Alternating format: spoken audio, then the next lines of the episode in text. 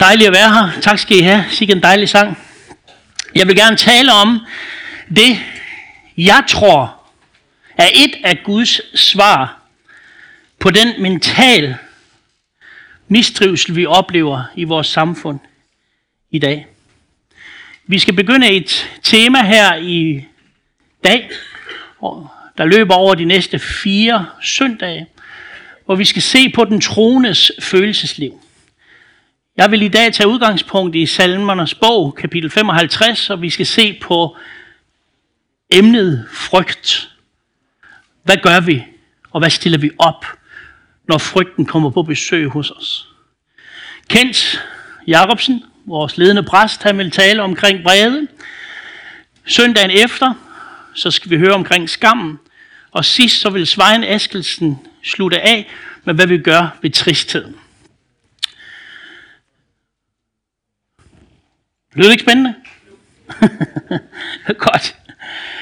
Jeg tror, at salmernes bog, om nogen bog i Bibelen, den giver os gode råd til, hvordan vi forholder os til vores følelsesliv. Mange af salmerne er skrevet tusind år før vores tidsregning.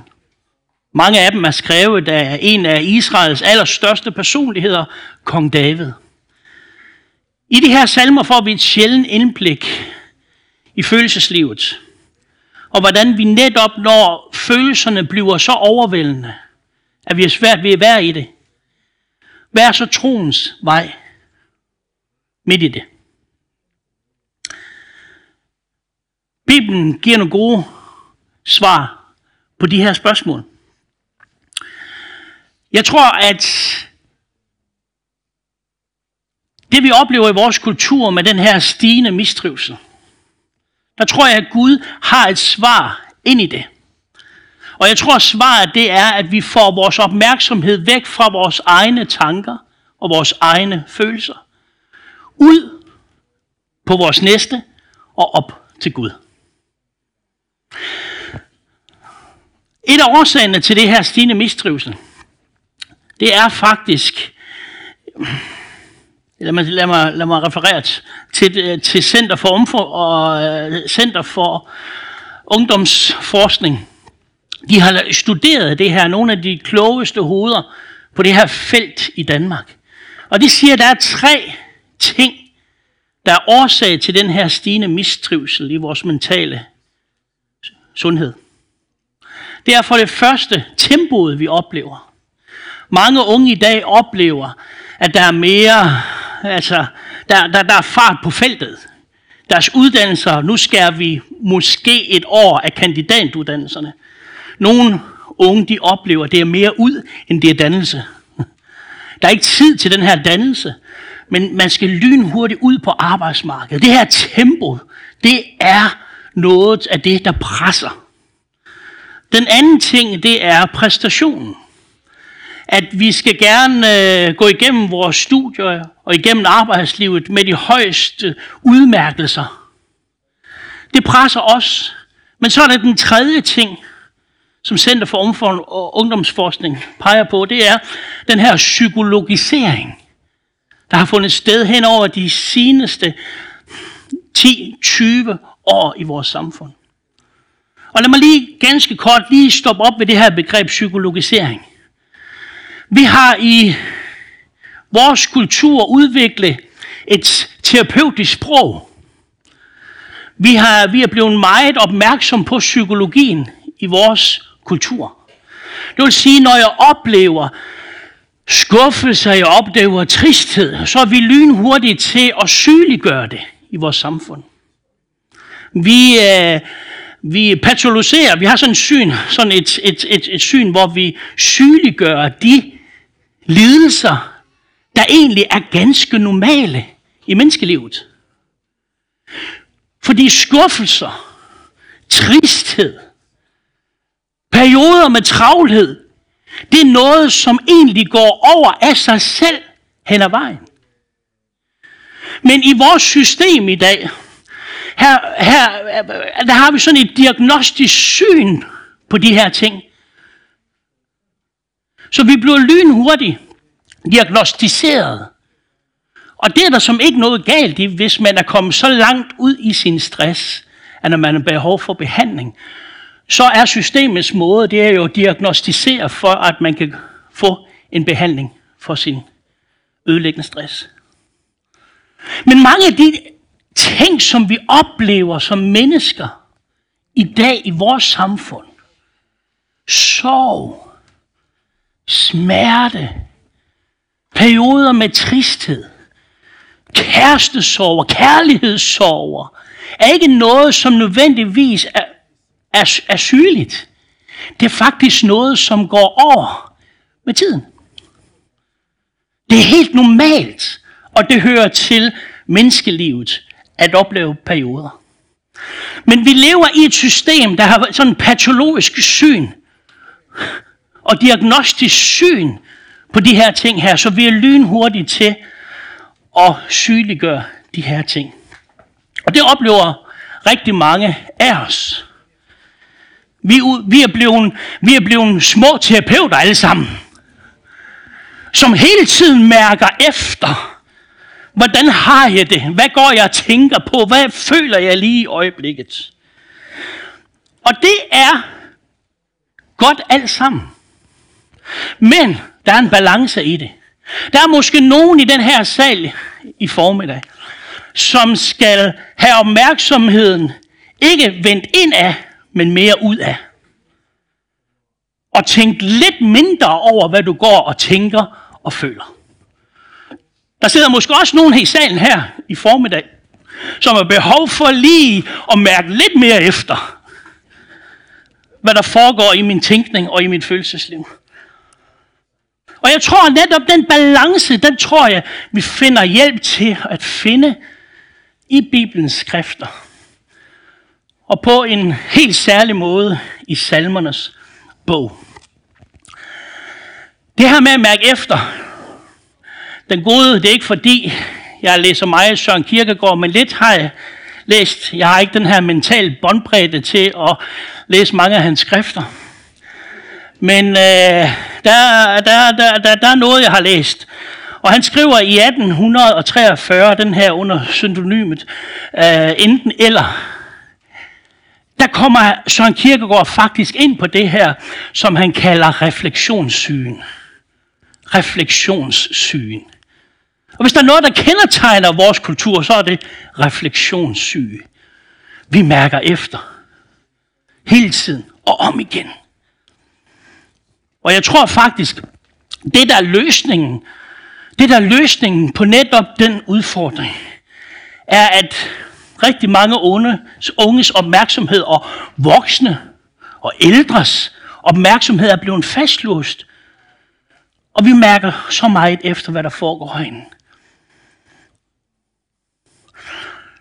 Svaret på det er i vores tid, det er det, det pædagogiske begreb, som man har valgt at kalde verdensvendthed. at det vi ønsker i vores skoler og ungdomsinstitutioner, det er at gøre vores unge verdensvendte. altså at opmærksomheden den rettes ud af imod samfundet. Og jeg tænkte på det her, da jeg hørte det begreb, så tænkte jeg, wow, det er fantastisk. Jamen, hvad er Bibelens svar? Hvad er kirkens svar på vores tid? Største og galopperende trivselskrise. Den mentale. Hvad er kirkens svar? Jo, Bibelens svar er ganske enkelt. Kærlighedsbud. At vi vender opmærksomheden væk fra os selv, ud på næsten og op på Gud. Så igen her i Bibelen, her finder vi, her finder vi nogle af de her, det som pædagogikken og psykologien finder frem til i dag. De løsninger. De løsninger har lagt i Bibelen i tusindvis af år. Jeg tror, jeg skal have lidt drik her. Det ser meget alvorligt ud. Og for at prædikanten ikke bliver tør, så... Ah, er I med? Vi zoomer lige lidt ud, før vi zoomer ind. Vi skal nok komme til salmernes på. Rolig.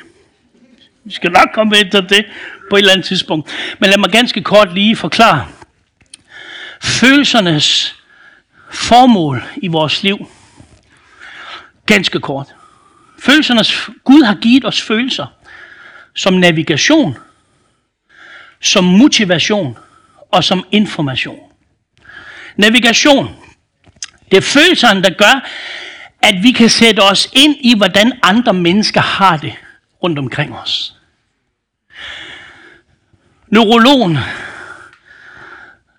Damasio, han er fra Italien. Han opererede Elliot tilbage i 1970.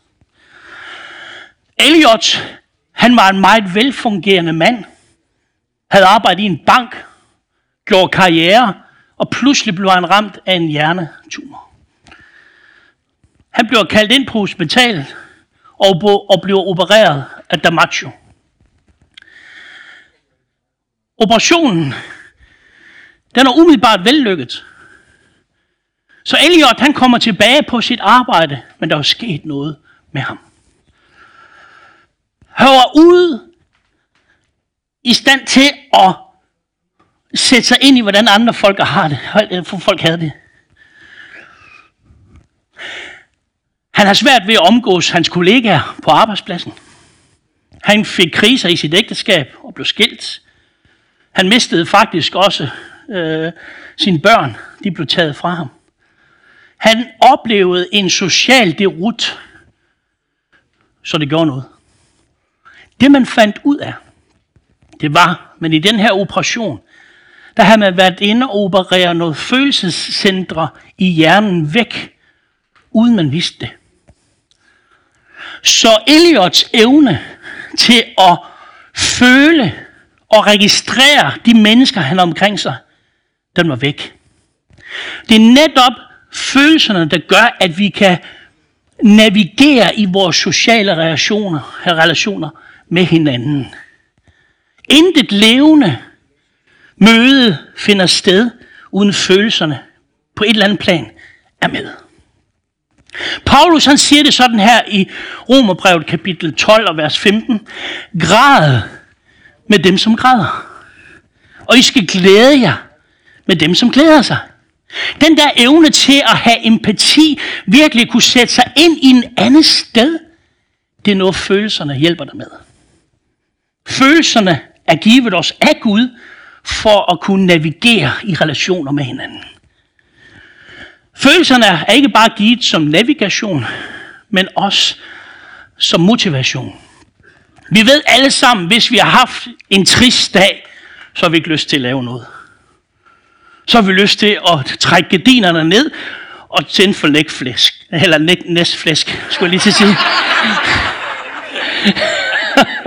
det er en sammentrækning af Netflix og flæskesvær.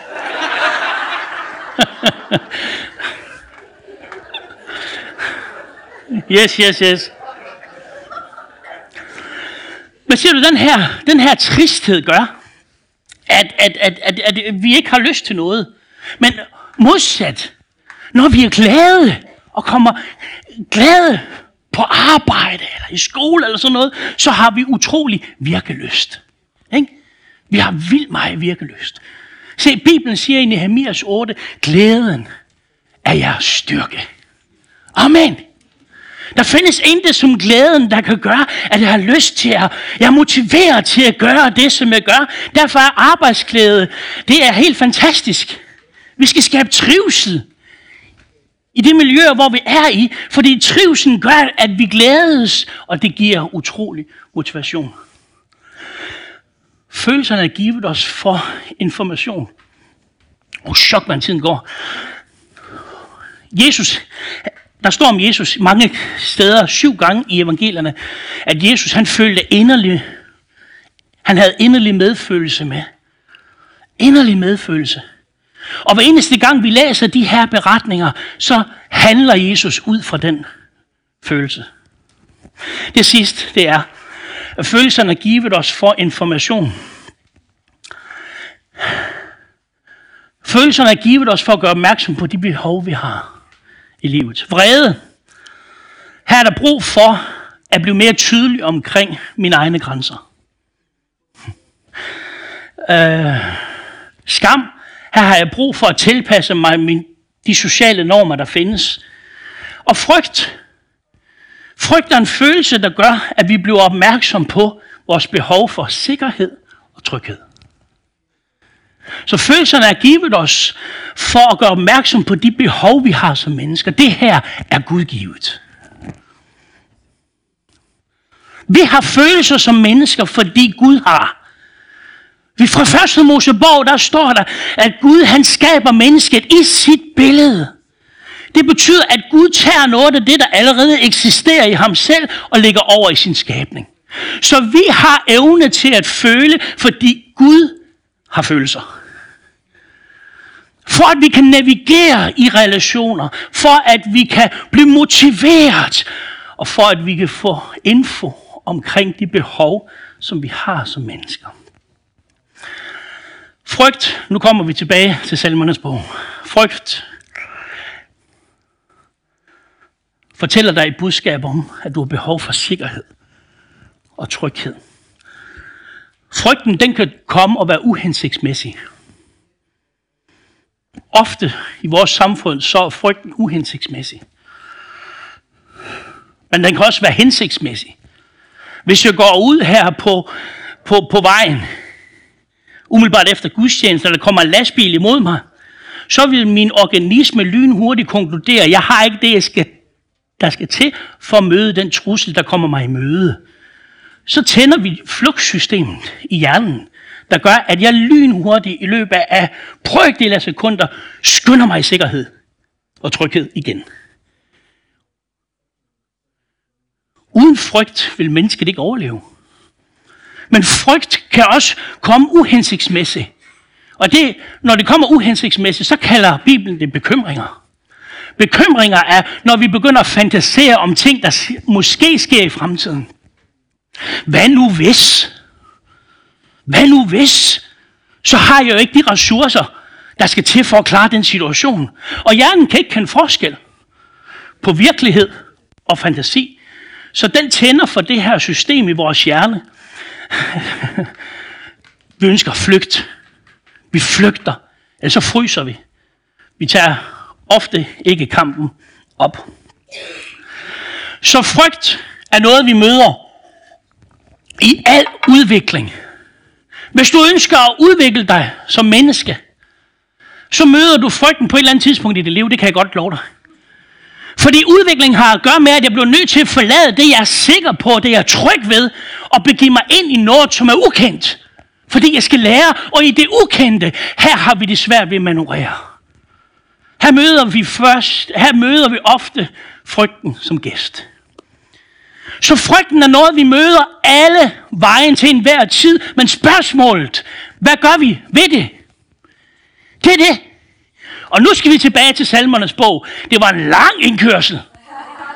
Det var en lang indledning for at komme til det, det hele drejer sig om. Hvis du har Bibelen med, så vær sød og slå op sammen med mig på salme 55. Men salme 55 her er den store kristne personlighed i Gamle Testamente, David, kongen. Den fineste konge, Israel har haft nogensinde.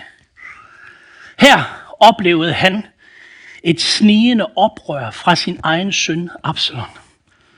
Absalon, han sender en her efter David. Og det får David nys om. Han finder ud af, at han her på vej imod ham. For at tage livet af ham, så hans søn Absalom kan overtage tronen. Så sker der det her helt naturlige.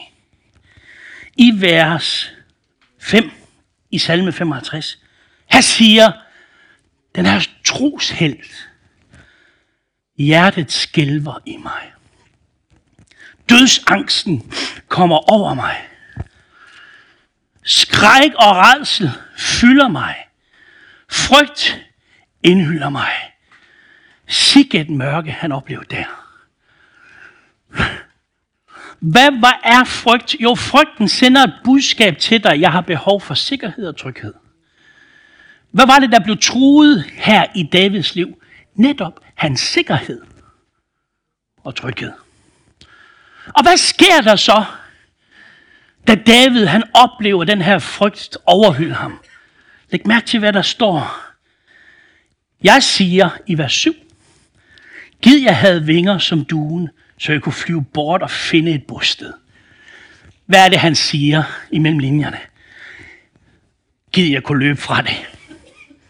Er det ikke det, vi oplever alle sammen, når vi oplever frygten, den dukker op? Lad mig komme væk.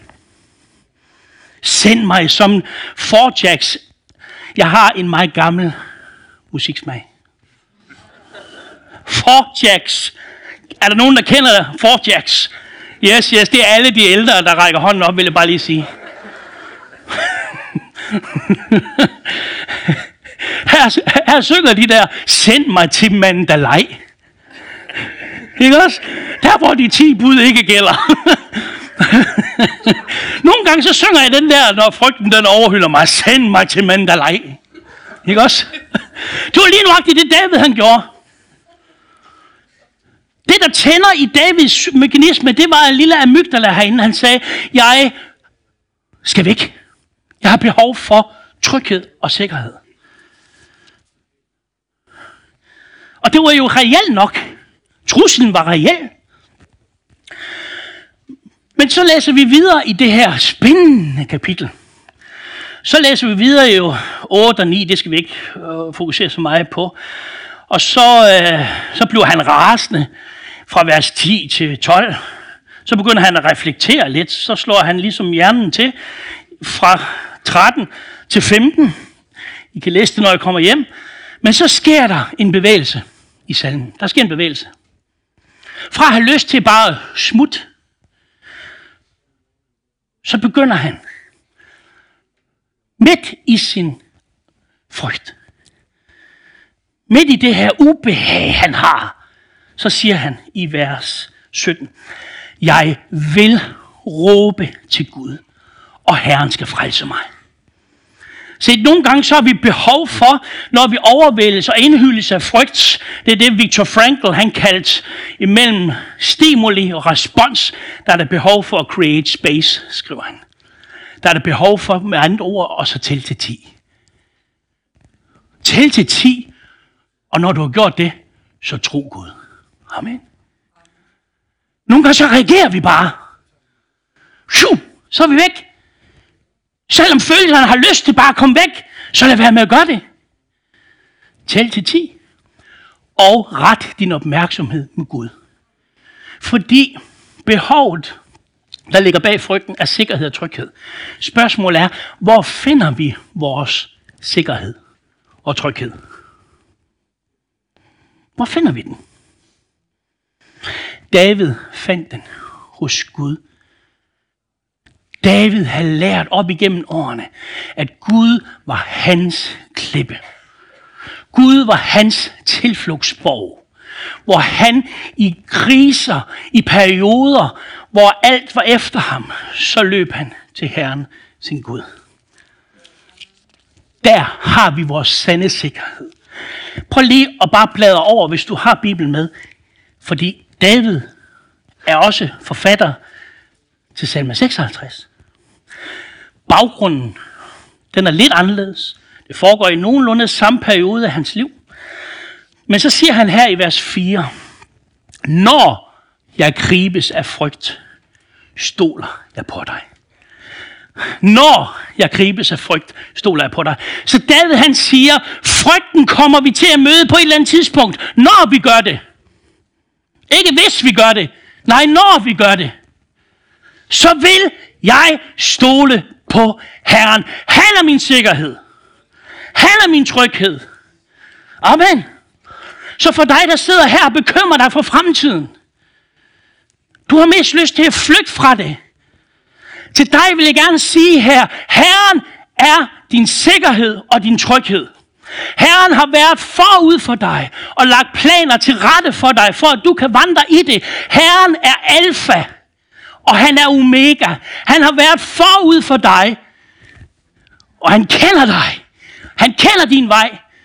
Derfor kast din bekymring på ham, for han har Inger til, for han har omsorg for dig. Amen. Når jeg gribes af frygt, når så stoler jeg på dig. Mm. Lad mig give en kort lille eksempel på det her. I 1. Samuels bog, kapitel 17, her læser vi om en af, måske en af de mest kendte retninger i hele Gamle Testamente. Det er sådan et slag mellem David og Goliath. Øh, scenen var den, at filisterne, Israels fjender, stod på en side, og på den anden side, der stod Israels folk. Filisterne, de havde en stor kæmpe ved navn Goliat. Han trådte frem foran Israels hær igen og igen og spottede dem. Det foregik over 40 dage. Mens han gjorde det, og når han gjorde det, så blev Israels folk bange. Hmm? De har mest lyst til at... De havde ikke lyst til at kæmpe. De frøs i det her tilfælde. Så dukker der en ung mand op med navn David. Han kommer frem i det her scenarie. Han ser det samme, som alle andre ser. Men han blev ikke fyldt med redsel og frygt. Han blev ikke fyldt med frygt, selvom truslen var stor. Fordi han havde hans opmærksomhed rettet imod noget andet end kæmpen. Han havde sin opmærksomhed rettet imod Gud og hans løfter. Så da han hører den her kæmpe stille sig frem og true af Guds folk, så tænker David, ham gør jeg da lige et hoved kortere. Og det blev enden på historien. David, den her dreng, som havde en dyb tillid til Gud, han skaber, han tager i sin lomme en sten frem, og den stenslynge, som han var vant til at bruge som, forhør, så bruge som forhørte, den tog han lige, og så fyrede han den lige efter Goliat, og den ramte ham lige i panden. Bum. Og han faldt død om. Og David han smutter frem og stiller sådan foden på ved siden af ham, og så giver ham dødstødet. Hvad kan vi lære af den beretning? Jo, to mennesker kan opleve nøjagtigt det samme scenarie. Den ene kan være fyldt med tro og tillid. Den anden kan lade sig lamme af frygten. Selv scenariet er nøjagtigt det samme. Men David, ham der skrev salme 55, han har lært en lektie. At når jeg mærker det inde i min krop, så vælger jeg lige, det står der ikke, han vælger lige at tælle til 10. Og så valgte han at stole på Gud, sin skaber. Amen. Vi som Guds folk i dag, vi vil komme til at møde frygten. Vi møder den. Nogle møder den dagligt, andre møder den uh, på andre tidspunkter. Men en ting er sigte, vigtigt at forstå, det er, at vi møder den alle sammen. Når vores sikkerhed og tryghed bliver udfordret. Den kan måske komme som en mild form, men for andre kommer den som en plæsende fjende ind for at gæste dit hus. Men uanset hvor den kommer, så sender den dig et budskab. Og det er,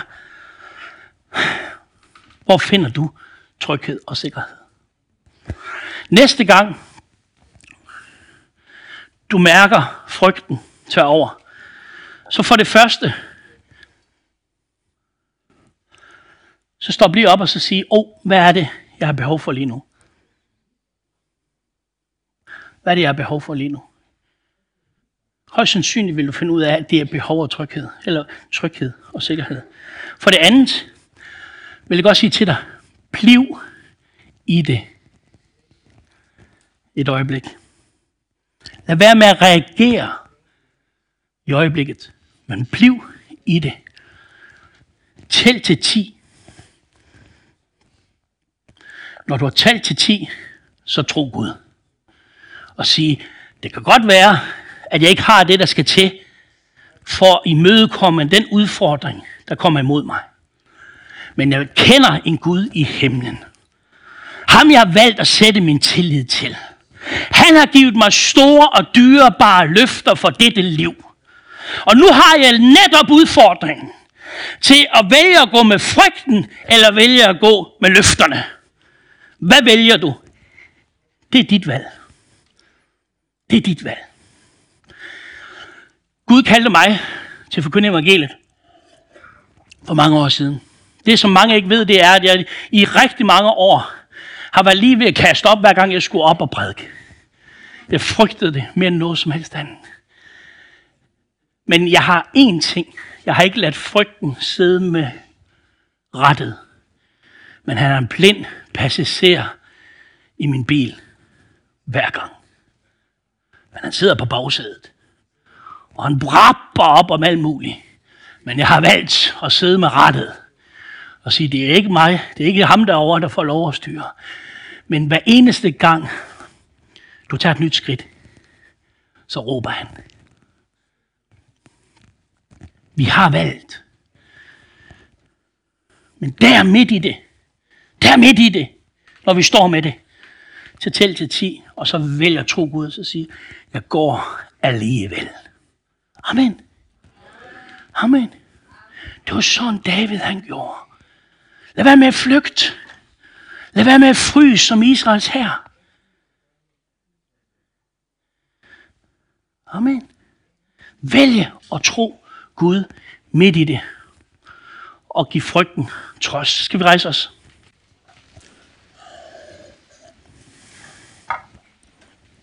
Ja. Halleluja.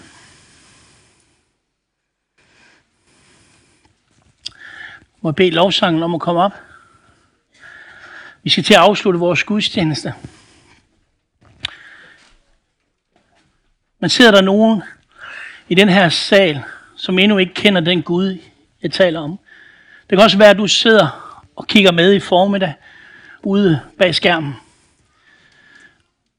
Og den her Gud, som jeg taler om, er måske langt væk fra dig. Den Gud, han inviterer dig ind i formiddag ind i en relation med ham. Og måden vi får en relation med Gud på, det er ved at tage imod hans søn Jesus Kristus. Og det kan du gøre her i formiddag. Det handler ikke om konfirmation. Det handler om en personlig tro på Jesus Kristus. Du kan invitere ham ind i dag. Hvordan inviterer jeg en Gud ind? Jo, det gør du på den måde. Simpelthen bare bede ham. Kom ind. Så nu vil jeg bede en kort bøn. Og hvis du beder den, højt eller stille i dit sind sammen med mig, så vil du invitere Jesus ind i dit liv. Skal vi gøre det? Kære Jesus, jeg takker dig for den her mulighed. Jeg takker dig for den her formiddag. Tak fordi, at jeg må få lov at åbne mit hjerte vidt op for dig. Kom ind i mit liv og gør mig til et nyt menneske. Fyld mig med din ånd. Fyld mig med dit liv. Det beder jeg om. I Jesu navn. Amen. Amen. Hvis du har bedt den her bøn for første gang af et ærligt hjerte, og tror du på, at du er blevet født på ny. Og du kan ringe ind på det nummer, der står på skærmen nu derude, og så er der nogen, du kan snakke med. Hvis du har bedt den her bøn og sidder her i salen, så kom gerne frem til, når vi skal bede sammen om et øjeblik. Jeg vil gerne invitere jer til det nu her. Frygt ikke, kære menighed. Frygt ikke. Tro